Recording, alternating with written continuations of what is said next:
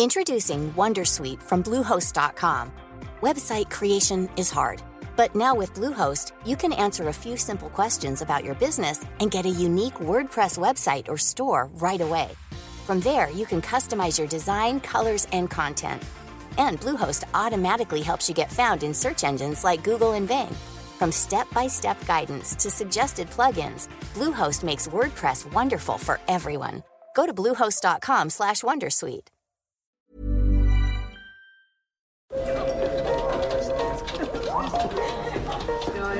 Dette er lyden av norsk næringsliv.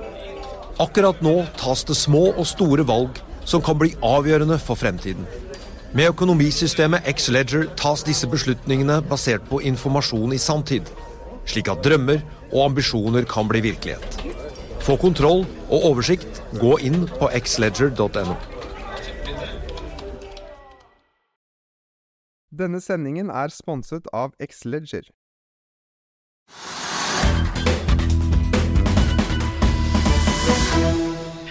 Og nå skal vi over til eh, Lundin, som er ute med ferske kvartalstall. Og for andre gang på et år så kjøper oljeselskapet eierposisjon i det kommende oljefeltet Wisting i Barentshavet. Det kostet dem 3,9 milliarder, og da får de da en eierandel på 35% Men hvorfor er Wisting-feltet så interessant, og hvem skal drifte det? Vi tok en prat med Kristin Færøvik, som er Lundins sjef i Norge, om oppkjøpet, og hvorfor de nok en gang kan øke utbyttene. Kristin Færøvik, eh, administrerende direktør i Lundin Energy Norway. Takk for at du er eh, med oss. Jeg tenkte på å begynne med denne Wisting-avtalen. Dette er jo andre gang dere kjøper dere opp i dette feltet på et år. Eh, hva slags potensial og hva er det dere ser i dette feltet som gjør at dere nå investerer såpass mye penger i dette? Mm. Det er jo et kvalitetsprosjekt, og som vi sa når vi gjorde den første Eh, kjøp av den første andelen, så, så, sa vi jo det at vi skulle gjerne ønsket oss mer, men det var det som var til salgs den gangen. Og nå er vi glad for at vi har uh, kunnet øke andel, eierandelen vår i, i Wisting. Det er et nytt, uh, spennende prosjekt som åpner opp en ny del av Barentshavet, ny infrastruktur. åpner alltid opp for potensialet for å utvikle mer ressurser. Det, det senker jo terskelen for hva slags uh, prospekter man kan lete på.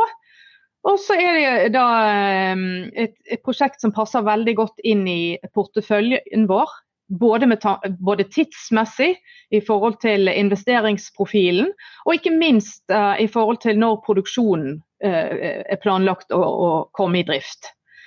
Så har det også andre kvaliteter som passer i porteføljen vår, nemlig lave utslipp. Det er jo en veldig viktig parameter for selskapet med den Eh, strategien vi nå har satt oss med å være karbonnøytral fra 2023.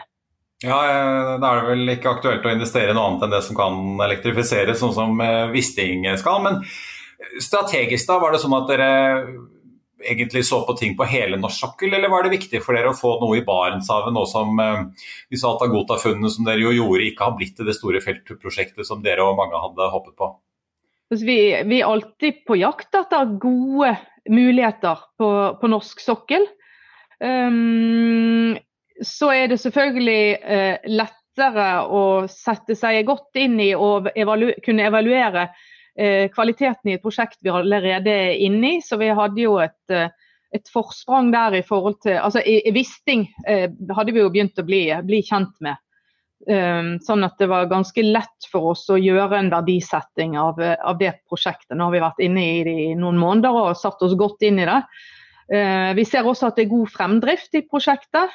Uh, um, konseptvalget, altså milepælen som vi kaller DG2 i prosjektet, er rett rundt hjørnet. og det nå går mot full, full fart mot PUD-innlevering i slutten av neste år. Dere sitter jo på lisenser i, eh, i nabolaget rundt uh, Wisting også. Uh, dere beskriver det som et nytt kjerneområde for dere. Blir dette en slags sånn arvtaker for det Alta Gota kunne blitt, hvis det var mer ressurser der? Um, det er i hvert fall et nytt viktig ben å stå på i, i Barentshavet, det er det jo ingen tvil om. og uh, Wisting er spennende i seg selv, men det er også spennende med de uh, lisensene og mulighetene som vi ser i umiddelbar nærhet eh, av Wisting. Og så vet vi jo alltid det at ny infrastruktur utløser et nytt blikk på hva som er ressurser eh, i nærheten av, av eh, ny infrastruktur. Ja, ikke sant. Men hvordan blir det egentlig? Altså Opprinnelig var jo planen at OMV, dette østerrikske selskapet, skulle både bygge ut og drifte Wisting-feltet. Så overlot de utbyggingen til Equinor, men eh, skulle da fortsatt være operatør i driftsfasen. Når dere nå kjøper OMV sin andel, er det da dere som blir operatør eh, når feltet er ferdig?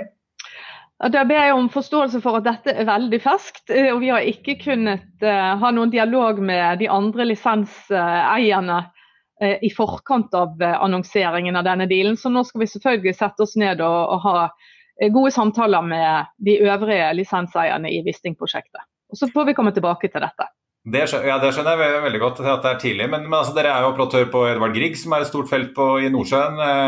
så dere har jo på en måte i hvert fall organisasjonen og godkjenningene for å være det. Ønsker dere å bli operatør, da? Vi kommer tilbake til dette når vi har fått snakket med de andre eierne i lisensen. Da skal vi eh, følge med. Kristin, eh, vi må ta litt kort om tallene deres også. Dere som jo alle oljeselskapene på norsk sokkel tjener jo veldig gode penger om dagen med de prisene som er. Dere hadde også rekordhøy produksjon eh, og varsler nå at styret kommer til å anbefale en økning av utbytte. Hvordan ser egentlig utsikten ut nå? Tror dere at dette varer ut, godt ut i neste år, eller er dette liksom kortsiktig blaff med de høye prisene og de voldsomme inntektene dere får? Vi har jo hele tiden sagt at når vi legger en, en strategi for utbyttepolitikken, så skal, så skal den være langsiktig. Eh, så, så, Det har vi for øye. og det er helt klart at eh, med, med de utsiktene vi har til, til god eh, produksjon, så ser vi også for oss at vi har utbyttekapasitet i tillegg til å fortsette å investere som jo eh, denne Wisting-investeringen er et, eh, et, bevis på. Ja, så Det er ikke, ikke et signal om at uh, dere tar penger av bordet på norsk sokkel som, som sådan. Det blir fortsatt et høyt investeringstempo? Overhodet ikke. Vi har fremdeles høy uh, investeringskapasitet.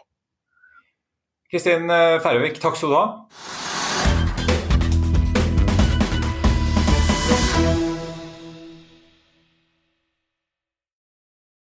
Denne sendingen er sponset av Xleger. Økonominyhetene er en podkast og videoproduksjon fra Finansavisen. Programleder er Marius Lorentzen. Aksjekommentator er Karl Johan Molnes. Produsent er Bashar Johar. Podkast- og videoansvarlig er Marius Mørk Larsen. Og ansvarlig redaktør er Trygve Hegnar.